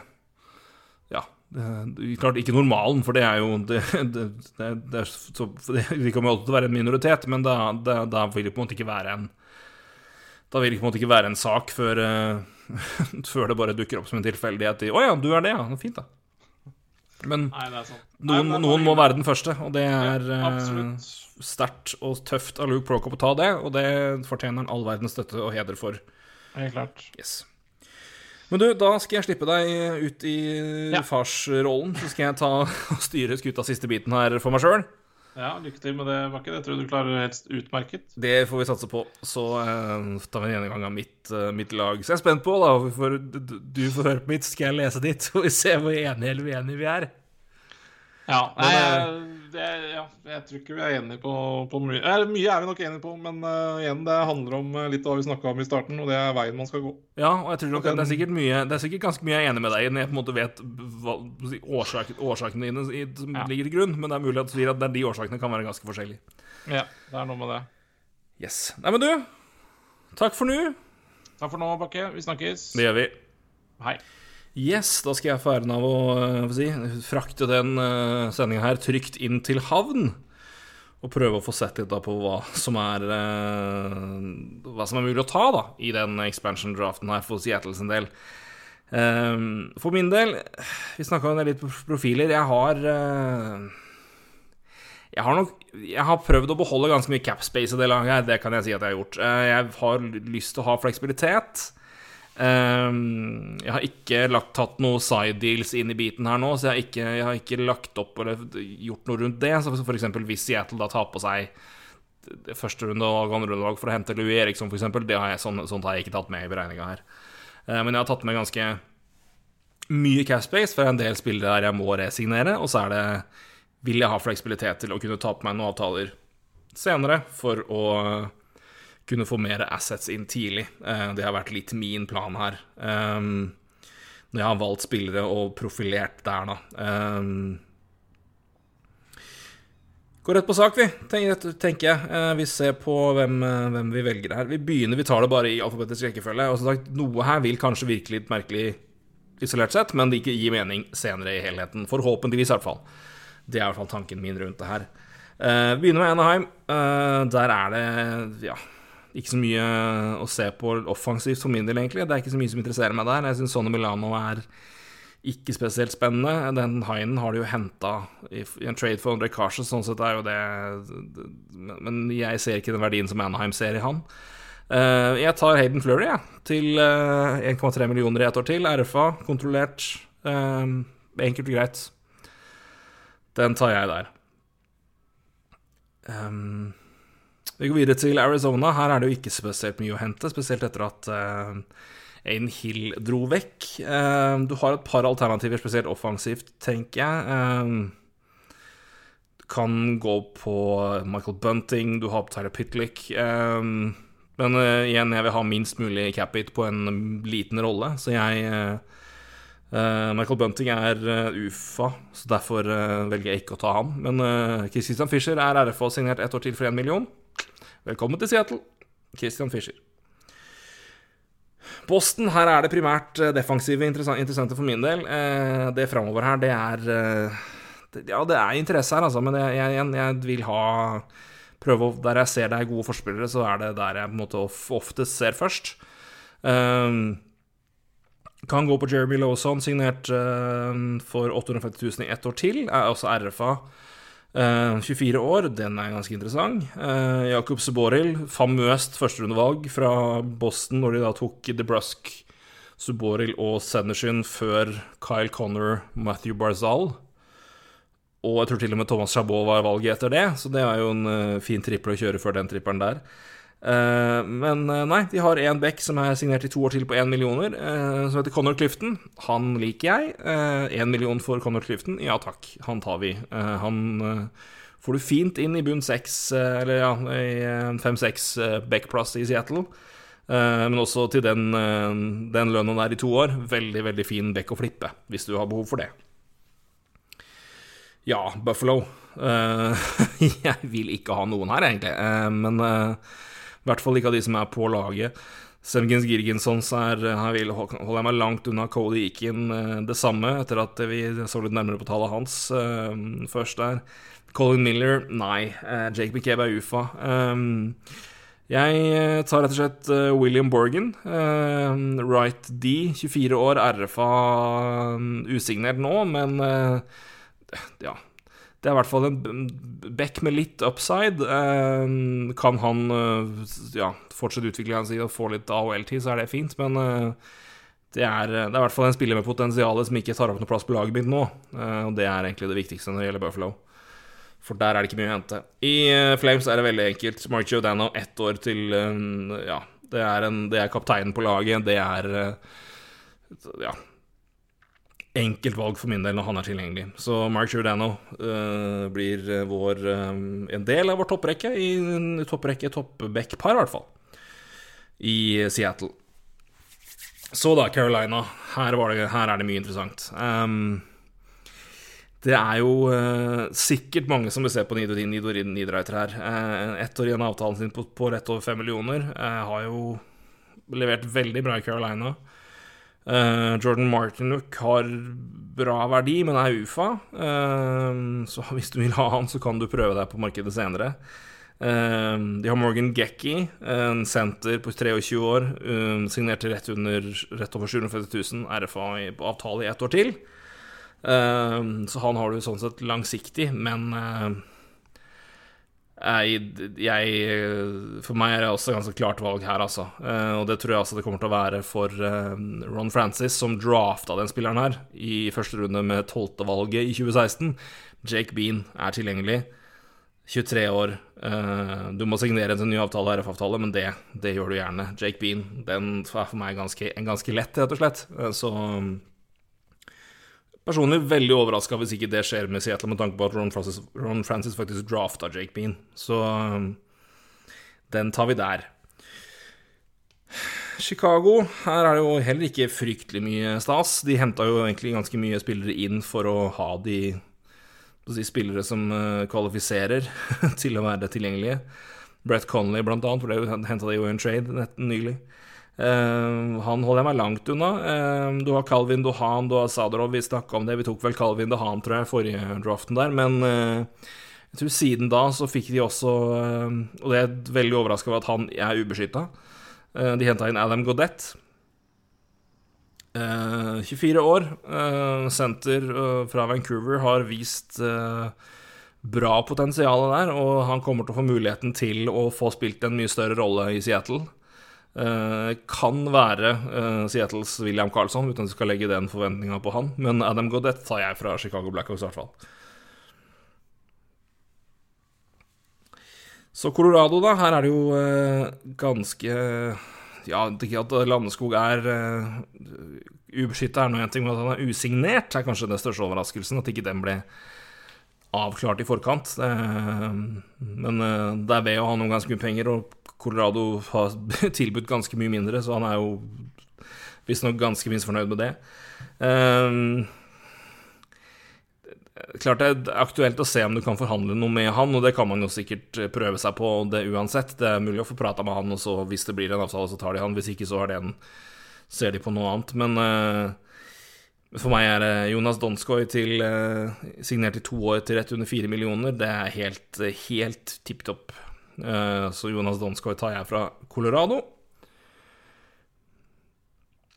Columbus Blue Jackets, der eh, var det mange som eh, reagerte når Max Domi ble tilgjengelig.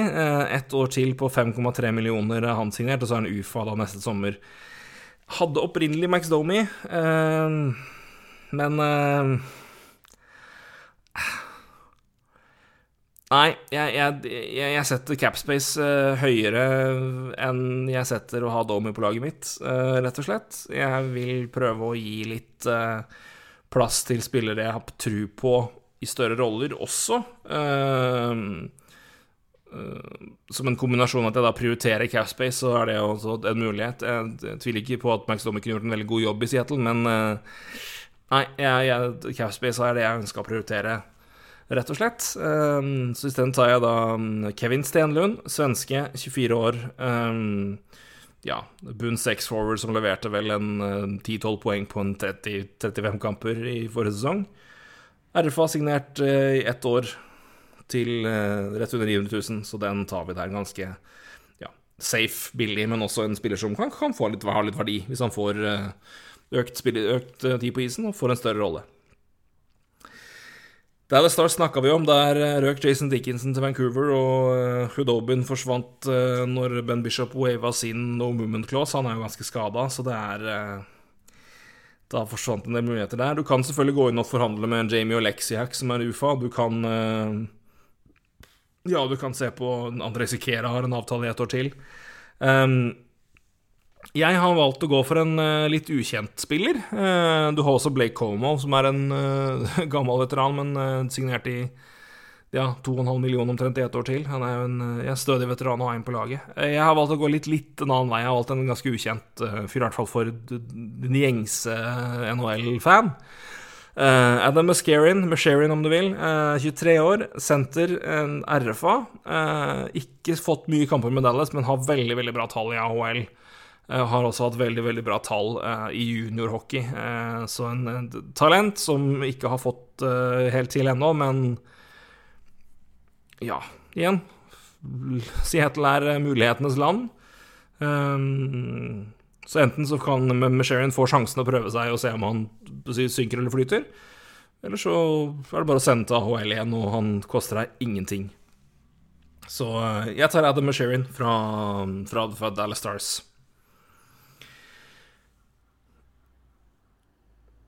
Detroit, her er det faktisk overraskende mange ålreite valg tilgjengelig, i hvert fall. Uh, på lang sikt. Uh, Evgenij Svetsjnikov er uh, litt interessant. 24 år, venstreving. han Også Troy Stetchy, som er signert i ett år til på 1,7 millioner. Right D er jo er ikke noe dårlig back, det. Så man har jo verdi, enten om du vil ha han eller ikke. Eh, men igjen, jeg ser unge spillere med hvor det er klar upside, og jeg har rettighetene til å beholde dem lenge, så tar jeg de. Spesielt når det er snakk om førsterundespillere. Dennis Tsjolowski, tatt i, eh, også i 2016-draften, så vidt jeg husker, med 20. overall-valget til Detroit. Eh, jeg tror for øvrig at både Bean og Slowski var spillere jeg hadde tippa riktig i mockdraften det året, så det er spillere har god, godt forhold til sånn sett òg, for de som husker så godt tilbake. Det er nok antageligvis bare meg, håper jeg. Um, men Tsjolowski er uh, offensiv back, uh, left D. Uh, produserer bra med poeng i AHL. har fått muligheten i Detroit og gjort det ok. Um, er nok ganske ensidig med offensiv offside, ikke så god. Jeg har mer å lære defensivt, men igjen, det er uh, Gi han sjansen til å utvikle seg og gi han en rolle der og se hvordan det går, og så er det Og du har han i såpass Du har, har rettet til han i tre-fire år til, og funker det ikke, så er det, er det verdi der. Du kan, du kan trade han bort. Tror jeg, i hvert fall. Så Edmonton, da. Um,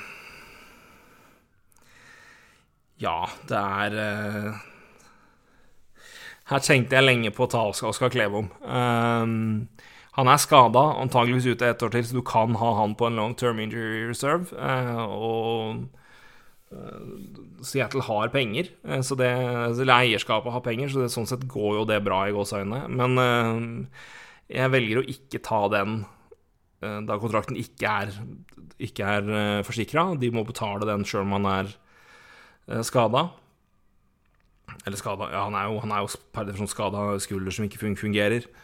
Uh, men når den er borte, så er det liksom ikke så mye annet som frister veldig. Jeg så på Jujar Kahira, uh, men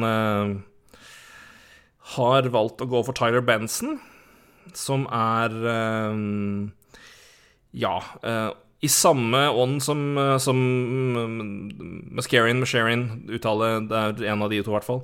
Uh, I Dallas. Uh, Ennå ikke gjort veldig mye i NHL. Jeg lurer på om han har kamper i det hele tatt. Men har produserer veldig godt i AHL. Så det er en et, et, spiller med potensiale. Um, og i et lag hvor ikke, ikke spesielt mange andre frister veldig, så tar jeg gjerne en spiller som i det minste kan komme inn og i hvert fall eh, holde AHL-plass og prøve å utvikle seg videre. Og forhåpentligvis får han sjanser, og forhåpentligvis klarer han da å, levere. Og hvis ikke, så er det en eh, ja, avtale på Du må signere han, men han skal ikke ha noe, han skal ikke ha noe mer enn omtrent league minimum uansett. Så det, er, det, kommer ikke til å koste deg veldig mye. Så Nei, den, eh, i en klubb hvor det ikke er så mye å hente, så tar vi heller en spiller med litt hvor uh, risikoen er høy, eller si, taket er høyt, men uh, usikker om vi får noe igjen i det hele tatt. Men hvem, hvem kommer du til å savne her? Det er ikke stort. Florida, der rapporteres det jo at de mer eller mindre har ferdigforhandla med Chris Dreger. Så uh, tre år, tre-fem er vel det det er snakk om der, rett under uh, capit på over ti. 10 millioner dollar. Så Nei, unnskyld, tot, total uh, lønn på 10 millioner dollar, capit da på 3,35.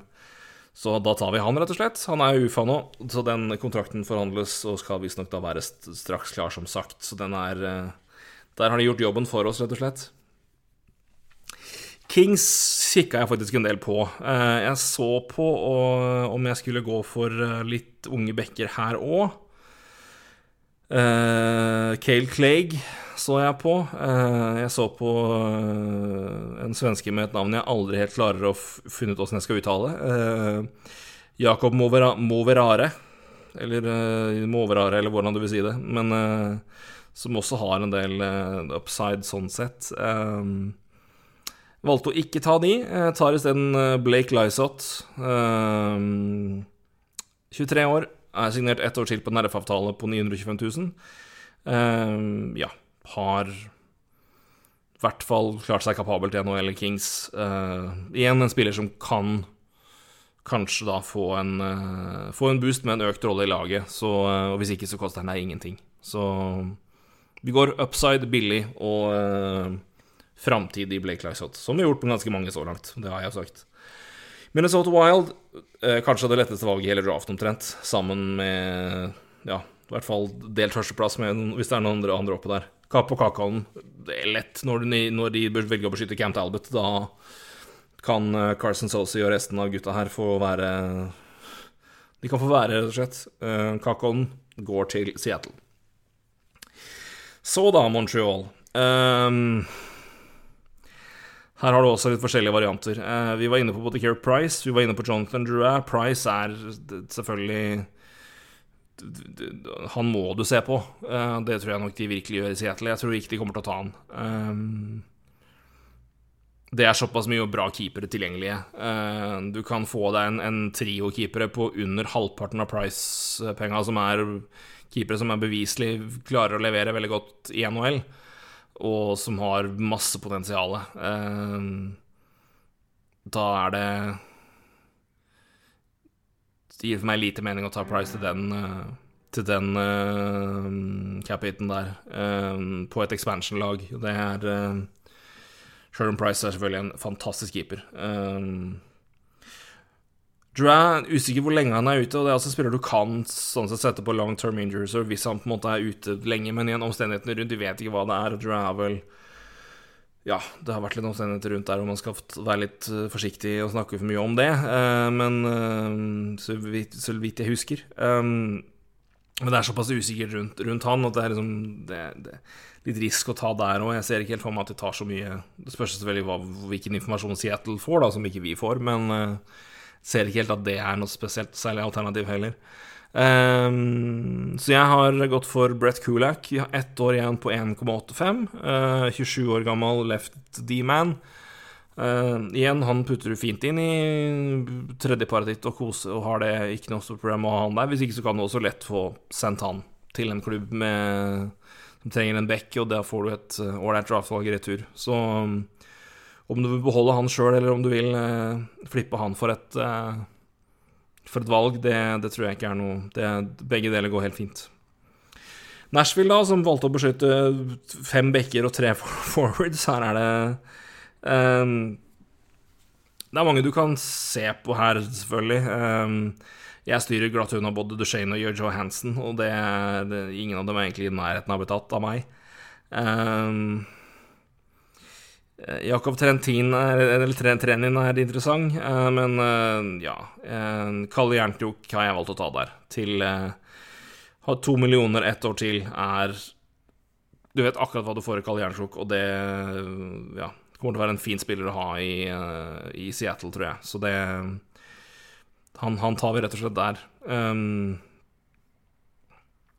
Devils er det heller ikke noe spesielt jeg vil som frister veldig, altså. Det er uh, Will Butcher er interessant for det han har levert og det han har vært kapabel til før, men uh, det er rett under fire millioner for en back jeg ikke helt vet om jeg vil ha, og det er såpass mye av dette back-alternativet tilgjengelig at det gidder jeg ikke. Um, samme er det Det er for mye spørsmålstegn rundt Andreas Jonsson til at det er interessant, spesielt den lønna i to år. Tar, jeg tar Scott Wedgwood uh, som en ja, fjerde keeper, hva du nå vil, AHL-keeper. Uh, eh, Wavers-keeper. Um, eller en keeper du også bare bytter hvis noen trenger en backup. Og Wedgwood er jo 700 000 UFA i 2022. Um, hadde vel rett over 90, tror jeg, i red- redningsprosent for Devils i fjor. Og Devils var balle dårlig, så det er uh, Ja. Kapabel NHL-keeper, og det er, det er ikke mye annet å ta her, så da, da tar vi Wedgwood. Og er han tredjekeeperen vår, så er det et helt finfint alternativ. Eller fjerdekeeper. eh, Og klarer vi å bytte den, så er det også helt greit.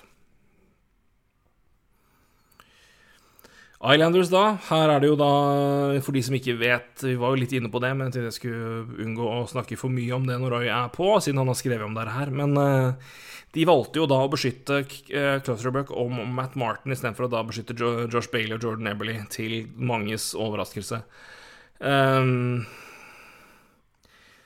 ja, det er jo veldig Det er jo På veldig mange måter er jo det særs kritikkverdig, det er klart det er det. Men eh, det er spillere med masse, masse verdi, eh, og har, som har levert, og leverte ikke minst de siste nå i sluttspillet nå. Eh, eller begge sluttspillene som de har ikke hatt eh, runs de har hatt nå de siste to åra. Um, men igjen, da, det er altså både Matt Martin og Clutterberg er jo peak eh, Skal vi si identitet i Islanders, så det er jo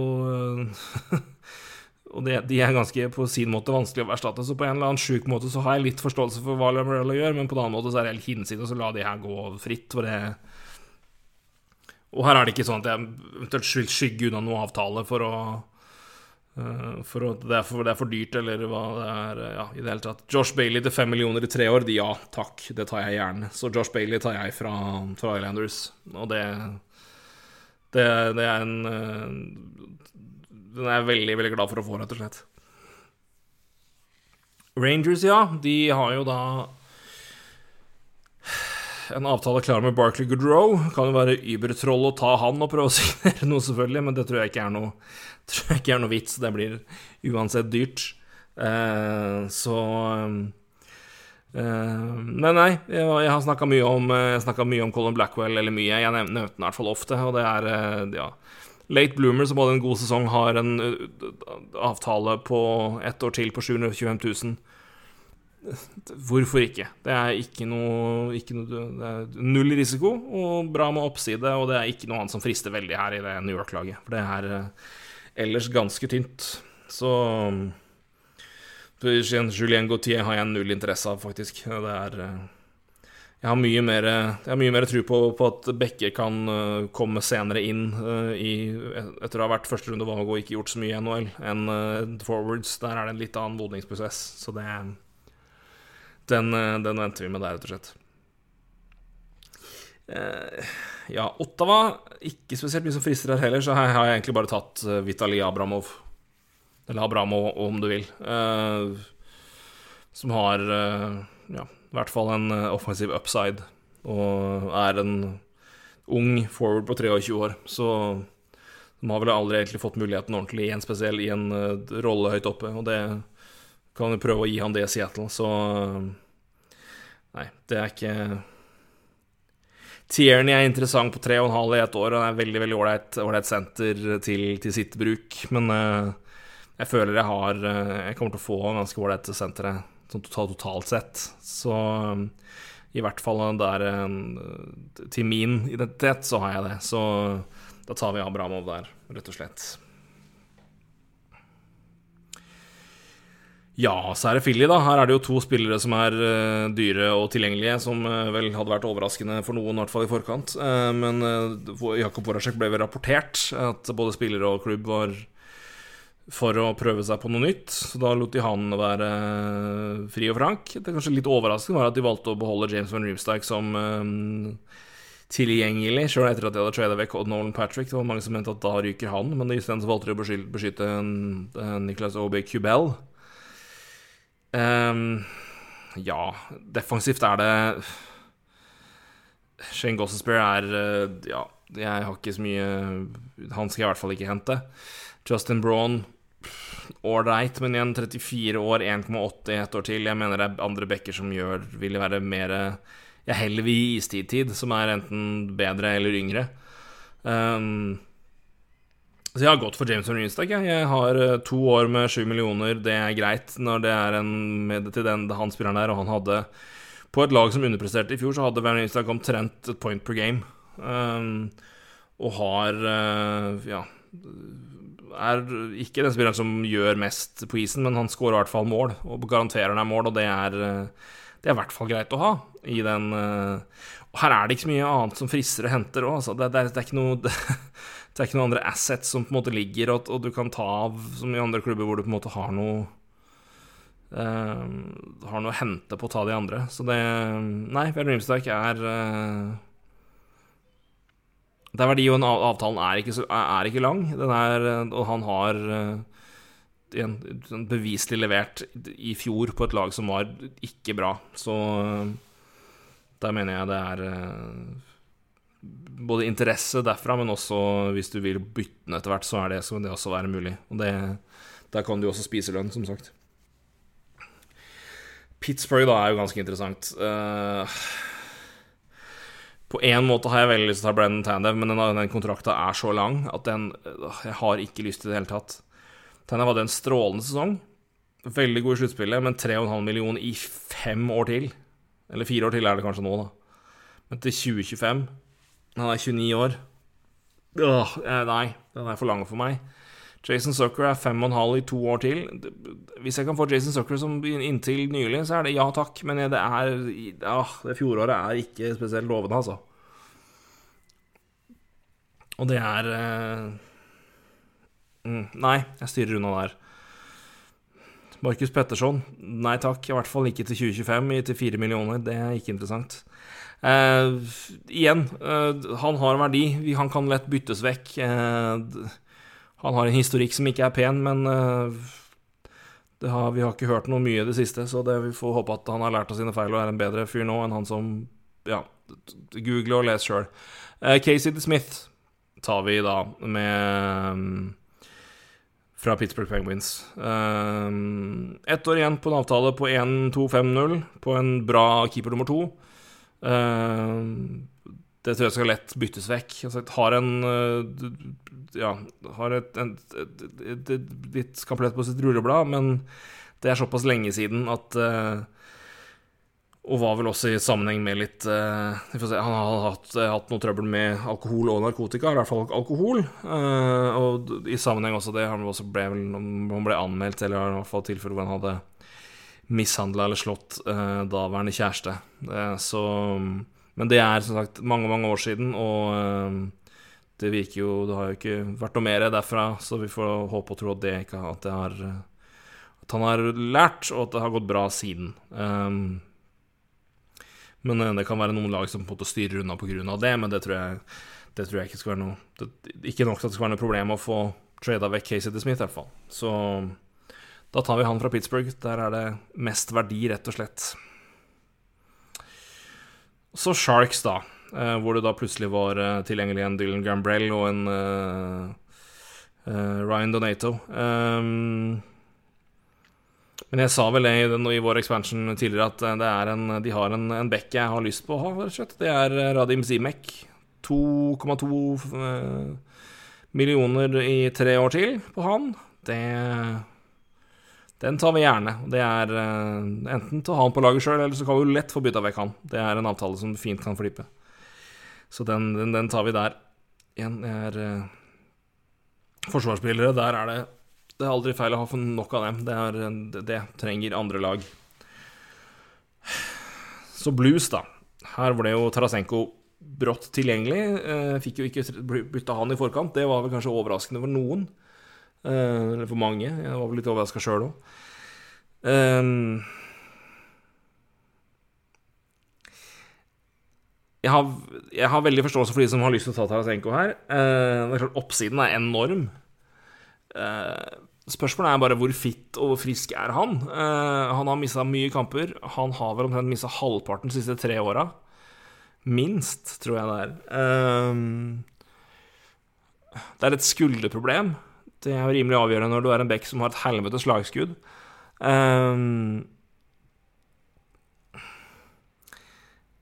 jeg vet ikke helt om Jeg ser ikke for meg Altså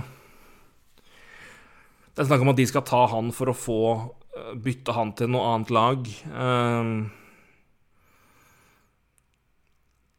jeg har ennå ikke sett et forslag på det, og jeg syns det er en god deal for Seattle, men det kan jo komme noen andre forslag, vi får nå se. Eh, det kan jo godt være spillere som er beskytta nå, men igjen, da hvorfor i all verden ble ikke da personen trada til fra. Louis i forkant? Så eh, det er, det er mye spørsmålstegn rundt Tarasenko. For mye for min del. Jeg hadde ikke tatt han, spesielt når jeg kan ta Vince Dunn. Uh, så velger jeg å ta han. Uh, mye NHL-erfaring, har uh, ja, vant til å spille topp fire minutter. Hvis han får sjansen og tillit, så tror jeg det kan bli veldig, veldig veldig bra. Må signeres, er RFA nå, men ja, det, en, det blir ikke grisedyrt, det heller. Og det, det, tror jeg det er verdt uansett, så det er mye verdi i Winston. Så jeg tar heller han, rett og slett. Uh, Framtid billigere, sikrere kort. Tampa Bay er også ganske Du kan vel omtrent ikke ta feil, uh, så lenge du holder deg unna Tyler Johnson. vel den enkle måten å si det på. Um, de valgte jo å gå 4-4. De valgte å beholde Eric Sernak, som jo jeg skjønner. Det, han har jo virkelig stått opp stått fram etter at uh, han ble Han ble henta til uh, til Lightning. Eller ble, han ble ikke henta til Lightning, han var betaling fra, fra Kings til Lightning for Og hvilken trade var det, ja, du? Jeg husker det. Jeg bare, det var en keeper. Jeg husker bare ikke hvilken keeper det var.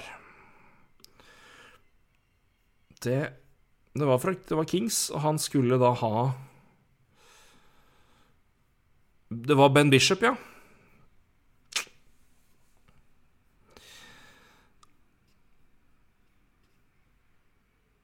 Ben Bishop gikk til Kings. Sånn var det. For Erik Sernak og Peter Brudai. Så signerte Bishop for, for, uh, for Dallas etter det. Var det vel Ja, sånn var det. Så uh, for uh, sju kamper med Ben Bishop så ga altså Kings fra seg Erik Sednak. Så da vet dere det. Så kan dere gråte litt i Los Angeles og uansett hvor mange gode forward-talenter dere har. For det Sednak skulle dere gjerne hatt. Um, tilbake til Ja. Men det er mye du kan ta her, selvfølgelig. Uh, det er veldig, veldig, veldig Du har igjen knallback-talent i Calfoot du kan ta. Uh, eh, 22 år, right-handed D. Uh, RFA. Han, han, kommer til å være en knallback for deg i lang tid. Du har Du har Killorn, du har André Palat i ett år, men Janni Gord langtidssignert rett over 5 millioner til, 20, til 2025. Ja takk. Der har jeg en av mine gode sentre. Så den tar jeg fra, fra Lightning, rett og slett. Så Janne Gord til Seattle. Ja, fra Toronto så har jeg valgt å ta Kerfoot, for det har vært for mye Det har, det har vært mest rapporter om, rett og slett. Så da har jeg bare valgt å forholde meg til det. Får vi nå se om de tar han eller McCann, da. Vancouver er ikke noe som frister, egentlig. Eh, så da har jeg igjen litt samme prinsippet som ved Dallas med Mascarin og uh, Tyler Benson i Edmonton. Jeg tar Cole Lind, uh, 22 år, uh, RFA, har bra tall i AHL. Ja, null tap hvis det skulle skjære seg, men det er upside, og da tar vi det. Så det, han tar vi der. Braden Holtby holder jeg meg langt unna. Washington Vitek Vanecek. Da har vi uh, mer enn nok keepere. Vi har i hvert fall to som skal byttes vekk. Uh, kanskje tre, får vi se, men uh, du får Det er bra, bør være ålreit interesse for, både, for enten Vanercheck eller Kakanen, og du har altså Wedgwood og The Smiths. Og to av dem må du trade, men der har du masse verdi. Og jeg tror det er mer verdi der enn å hente en Brennan Dillon, blant annet, da, som også er vel kanskje den jeg hadde sett på, eller en Justin Schultz. Men uh, Schultz er veldig aktuell, men uh, det er såpass mye gode backer som kan fylle den rollen hans, så den, uh, da vil jeg heller velge av de andre. Så Wannersek fra Washington. Så Winnipeg Jets mye fram og tilbake om hvem de skal beskytte. De valgte å beskytte Logan Stanley, som er veldig veldig forståelig, men da tar jeg imot Dylan DeBello med åpne armer i tre år, tre år til på avtale med han på tre millioner dollar.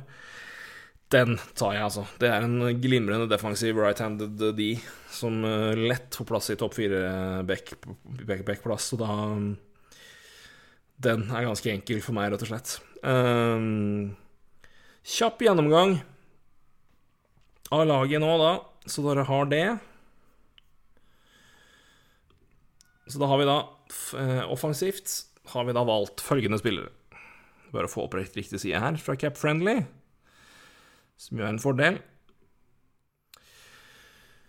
Fra toppen har vi James Van Reemstike, Johnny Gord, Josh Bailey, Jonas Donskoy, Alexander Kerfoot, Kalle Jernkrok, Kevin Stenlund, Christian Fisher, Blake Lysott, Colin Blackwell, Tyler Benson, Vitali Abramov, Adam Godett, Adam Mascarin og Cole Lind.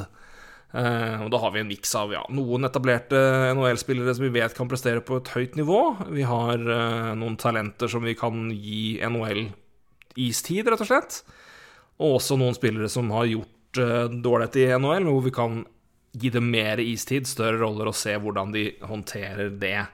Um, klart det er ganske mange andre spillere ute der, gode spillere som vi velger å ikke ta. Um, men igjen, vi prioriterer da å ha capspace, ha fleksibilitet, ha mulighet til å ta på oss avtaler senere.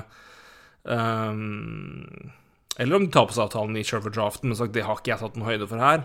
Uh, men jeg liker bare å ha litt, litt miks, da. Jeg vil, ha, jeg vil prøve å gå litt ungt hvis jeg først er i Seattle, og så ta de åpenbare valgene, som f.eks. Josh Bailey, eller der jeg ikke har noe klart annet alternativ, og spilleren har faktisk levert veldig veldig godt, og avtalen ikke er så lang. James Van Reemstike. Um, så jeg tror vi skal ha en ganske god miks her. Uh, jeg tror vi skal klare å få et ålreit offensivt lag på beina her, med den miksen der. Defensivt er det betydelig større bredde og kvalitet, vil jeg si. Uh, Giordano, uh, Dylan DeMello, Radim Simek, Brett Kula, Caden Flurry, Connor Clifton er signert. Uh, og så følgende er RFA-spillere. Det er William Borgan. Han signerer du for ingenting, vil jeg tippe. Jake Bean, litt dyrere, men det tror jeg det er verdt. Sjolovskij, heller ikke veldig dyr. Dunn må du også signere for en viss lengde og viss mengde, men tror jeg også er vel verdt det.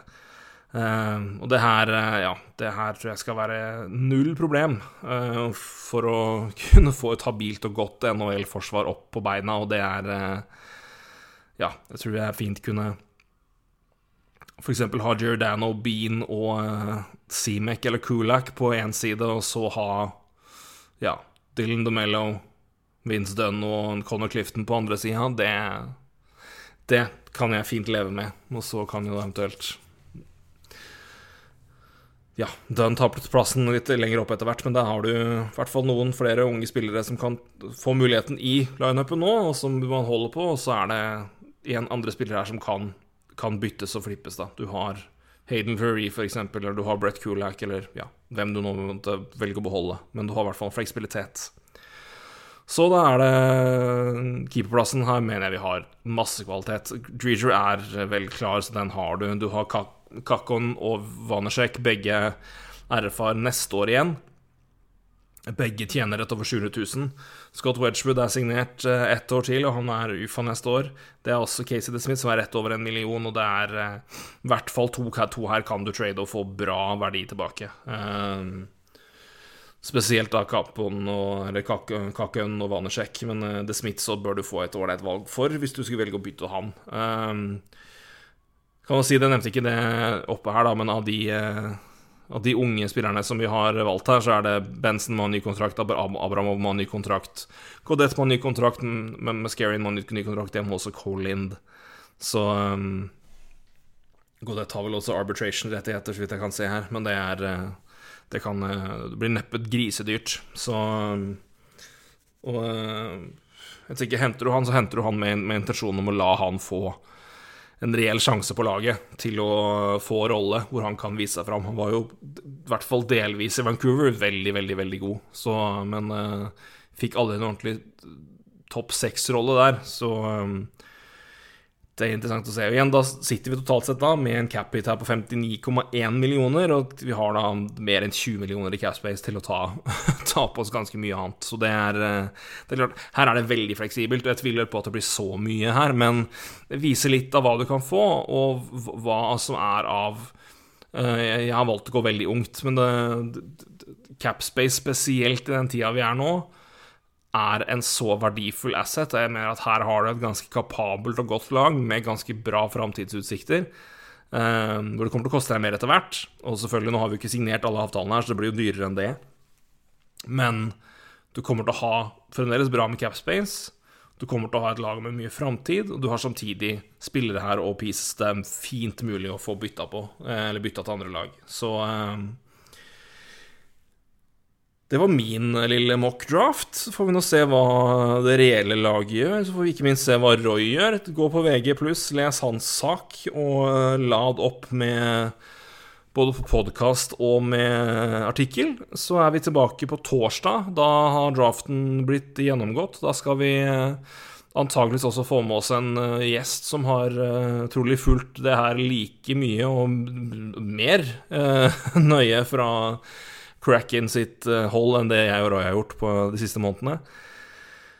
Hvis du skal også da se fram mot uh, draften som kommer, og free agency, så da blir det litt av hvert. Men uh, det går slag i slag, men kan ikke klage. Bedre og gøy der. Så, men til da så får dere ha en, noen fortreffelige dager. Så høres vi på torsdag, da Seattle Cracken har et lag.